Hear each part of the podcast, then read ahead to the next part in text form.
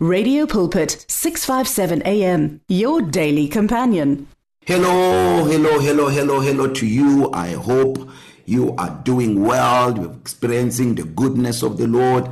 Welcome to the show today. My name is Pastor Kenny Mukwena and it's time for you to experience the blessing. Father, thank you so much for my brother, my sister listening to this. Thank you, Lord God, that their lives will never be the same again. I give you praise, glory, honor, and majesty in Jesus' name. Amen and amen. Wow, the year is coming to an end, saints. I tell you, it this year has been going very, very fast. I don't know about you, but as for me, I think this year went so so so fast because oh I have been extremely busy with with the things of God. 2023 for me has been the best year I have ever had. I've seen God. I've experienced God. I am more challenged and inspired you know to see God even more you know to experience Christ even more to enjoy God even more. I don't know about you but as for me man I tell you we are talking about the reality of Christianity and I'm already getting into it. So me I don't know about you. I really enjoy God. You know everything that I do it's so enjoyable. There is nothing that I do right now you know concerning the gospel concerning my ministry my family my life everything that there is a gray area. Why? It's not possible to be a christian and you and you perpetually experience gray areas. And this is what this message is all about. You know i i know there are other people who embrace that sometimes it's not going well. No no no no. It's going well all the time. Show me jesus where it was not going well someone will say yeah when he was on the cross it was not going well. You don't understand. You do not understand. You do not understand. When jesus christ was on the on the cross it was going very well because he was not taken there. He took himself there. The bible says that he laid his down laugh down that he may take it up again. In fact i like what uh, hebrews 12 uh, verse 2 uh, tells us that we should lay aside every weight and the sin that so easily ensnares us looking unto jesus the author and the finisher of our faith who for the joy that was set before him he endured the cross. I mean he knew when he was on that cross what it was all about. That is why when you read first corinthians 2 uh, um, uh, think around verse 5 6 somewhere there it says if the rulers of this age knew they would not have crucified the lord of glory. Man i tell you now christianity is so powerful. You and i we we we we are not the kind of christians that are in perpetual state of warfare. You know there are some christians their prayer life is a warfare. You have not understood the reality of christianity if you live in warfare. Some of us our warfare is not prayer. Our warfare is our declaration of faith. When we speak we are in warfare. Listen listen listen. You you need to learn to understand how Jesus dealt with with with with with, with you know demonic opposition. He never called the prayer and fasting in a in a in a situation where he had to deal with demons. He made a simple statement. He spoke. I remember when you when you look when you read the Bible in the book of Luke um uh, uh, chapter 4 when Jesus Christ came after he was tempted of the devil and the, the Bible says he returned to Galilee in the power of the Holy Spirit if you check the first miracle that it, well I call it a miracle. It's not necessarily a miracle but the first manifestation of who he was. It was when he met a a a man who was possessed with a an unclean spirit. And the new living translation calls him no the the, the new king james calls him an unclean spirit. And he says Jesus the son of God we know who you are. You have come to torment us before our time. Jesus said shut up and get out. Simple shut up and get out. He did not call he did not call a fast shut up and get out. And immediately that man that demon left. So when you talk about warfare in christianity it's about you knowing who you are. You know in in in, in our church um i only do the so-called deliverance services and i'm not criticizing anyone for the way they do their deliverance services. I'm not an expert in that. I mean i'm a young man. I'm i'm i'm a young man. I've only been preaching for for for for for um, about 13 years or so pastoring a church but i am so radical man and i love the world one of the things that god did with me. He made me a lawyer before he made me a a a a a preacher. So i do not just rely on interpretation. No i go deeper because interpretation can be taught at law school but law school can't teach you revelation. That is why if you are a preacher and you are you are on the on interpretation only connecting scriptures I, I promise you you do not understand Christianity. Christianity cannot believe in in interpretation so you are able to connect Luke to Matthew Matthew to John and and and quote a, a, a scripture in the Old Testament. No Christianity is deeper than that. Preaching is deeper than that. That's why the apostle Paul says I didn't come with persuasive words of human wisdom but in demonstration of the spirit and of power. When we talk about the reality of Christianity, we're talking about the power of God in manifestation. Not because, you know, power is when you pray. No, power is who you are in your conversation, in your conversation, in your response. Let me give you an example. When, when, when, when, um, Abraham was going on a mountain about to offer his son Isaac and Isaac gets to when they get into a certain part where they were about to go into when it was about to become real. Isaac says father I see the wood I see the fire but where is the lamb for the burnt offering? And Abraham said my son God will provide for himself a lamb that was warfare.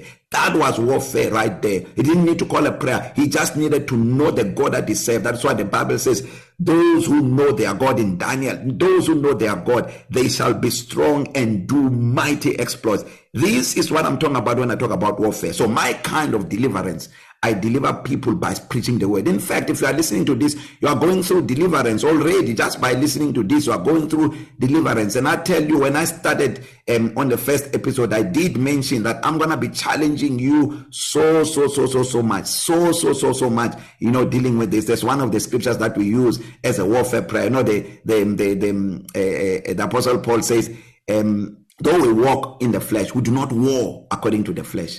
The weapons of our warfare are not carnal, but mighty through God to the pulling down of the strongholds, casting down imaginations and every high thing that exalts itself above the knowledge of God, bringing into to captivity every thought to the obedience of Christ. Do you know, my brothers and my sisters, that that is not a prayer scripture? It's not a prayer scripture. When the Apostle Paul talk about casting down imaginations and every high thing that exalts itself above the knowledge of God, it's not prayer. It is not prayer casting down imaginations can happen without anybody without you kneeling without you saying in the name of Jesus by just dealing with a mindset by just dealing with things that come to build nests on your on, on your mind. Deliverance speaks of transformation. The apostle Paul talks about this in Romans chapter 12 verse, verse 20 it says do not be conformed to this world but be transformed by the entire renewal of your mind. Look at what happens when a, a, a renewal of the of the mind takes place. When your mind is renewed it it two things are going to result. I can even add a a a, a well let's let's stick to two things that are going to happen. When your mind is renewed it will be heard in your words and it will be seen in your actions. This is what we talk about true deliverance. It is not true deliverance when you are when a demon is casted out but you remain the same. That is not deliverance. No casting out the devil is just a beginning of a deliverance process. In fact I believe in, in in in casting demons by the word at the preaching of the word. I don't have to say to you demon leave. No I must just preach the gospel. When I preach the gospel because the gospel is preached with power. I don't preach the gospel with just words. I preach the gospel by the gospel because the gospel has inherent power built in it by God that at the preaching of the gospel demons cannot cannot cannot dwell. Because why? When the gospel is preached the power of God penetrate their heart. Demons can't stay there. Never. Demons can't stay there. So if you cast the devil and the person never transformed to embracing the gospel and standing firm on the gospel the bible tells us jesus tells us about how demons behave. He says a demon can be casted out.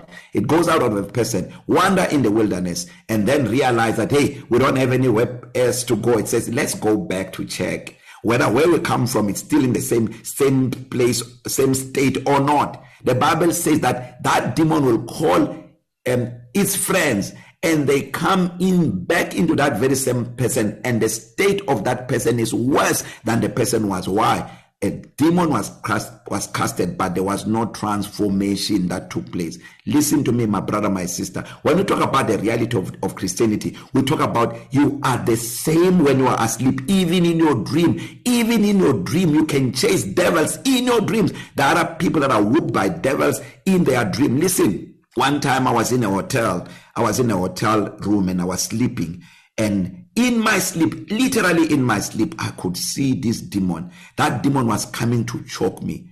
And i knew it. I knew it in my dream. And, and this is not something i dreamt. No it was something that was happening. And i was sleeping. As the demon is approaching me i just busted out laughing. I just laughed. In my sleep i laughed. And i fell back asleep.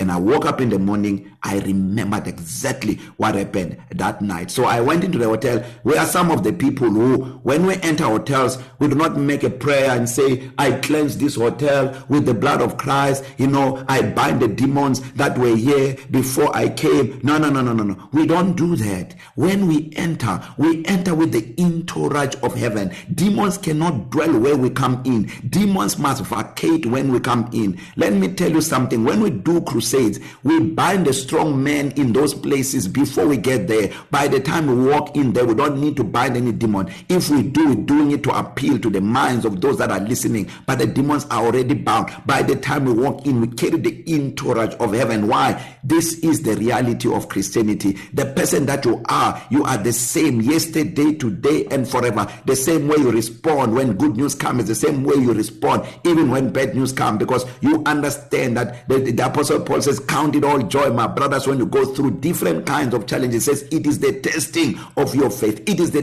testing of your faith. You are being proved for authenticity. Even Abraham, our father, he has to be proved for his faith to become genuine. Your faith is not genuine until it has been tested. If you have never been tested by trials, you have not understood the reality of Christianity. We don't know you yet. We will know you the day you are tried and you are tested by life because life is going to test you. If you profess to know Christ, life is going to ask you questions and wait to see how you respond. You and I were durable. The material that made us men, I tell you, you know, when God created man, in fact, if you have to check it the origin of man the origin of man does man does not originate from earth. Man came to earth the same way that jesus came to earth is the same way that man came. Ed, adam came from god. He was created in god and when god blessed adam he blessed adam before adam came to earth. How can adam who came to earth from above now become corrupted by earth. No, that is why the Bible says that you and I we are incorruptible. That is why Second Corinthians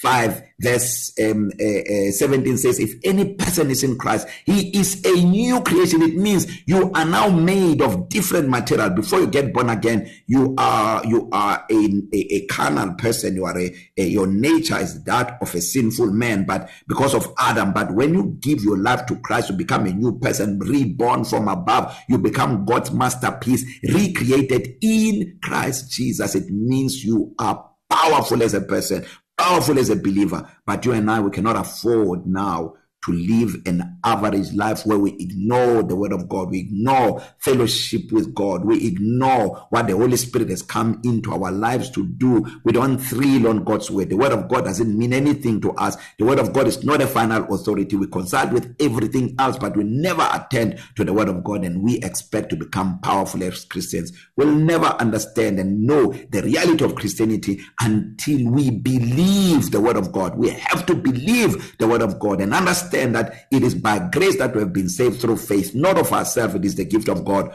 not of works, lest any man should boast. The sum total of our lives is who Christ is. We are born again so that Christ can live his life in the inside of us. And when we do that, our conversations, our conduct reflects who Christ is, and that is the reality of Christianity. I've run out of time. I want to pray for you if you're not born again, you've not made Jesus the Lord of your life. Just make this prayer with me. Say, Lord Jesus, I receive you now as my Lord and my Savior. Amen and amen. If you made that prayer, you're born again, you're my brother, you're my sister. I will see you in heaven. So I've prepared a free salvation material. It's so powerful. I share my testimonies there with you. You'll be so inspired, you know, to, to, to run after God and to want to do big things for God. So send me a WhatsApp message on plus two seven six six zero six six zero two five zero plus two seven six six zero six six zero two five zero, and I will send you the material right away. And I tell you, you will be ignited and will come on fire for God. I love you so much, man. God bless you, and may you experience the goodness of the Lord every moment of every day. God bless you. The words of the Lord are words of life. Your heart is on 657 AM. 657 AM. Radio for believers in action.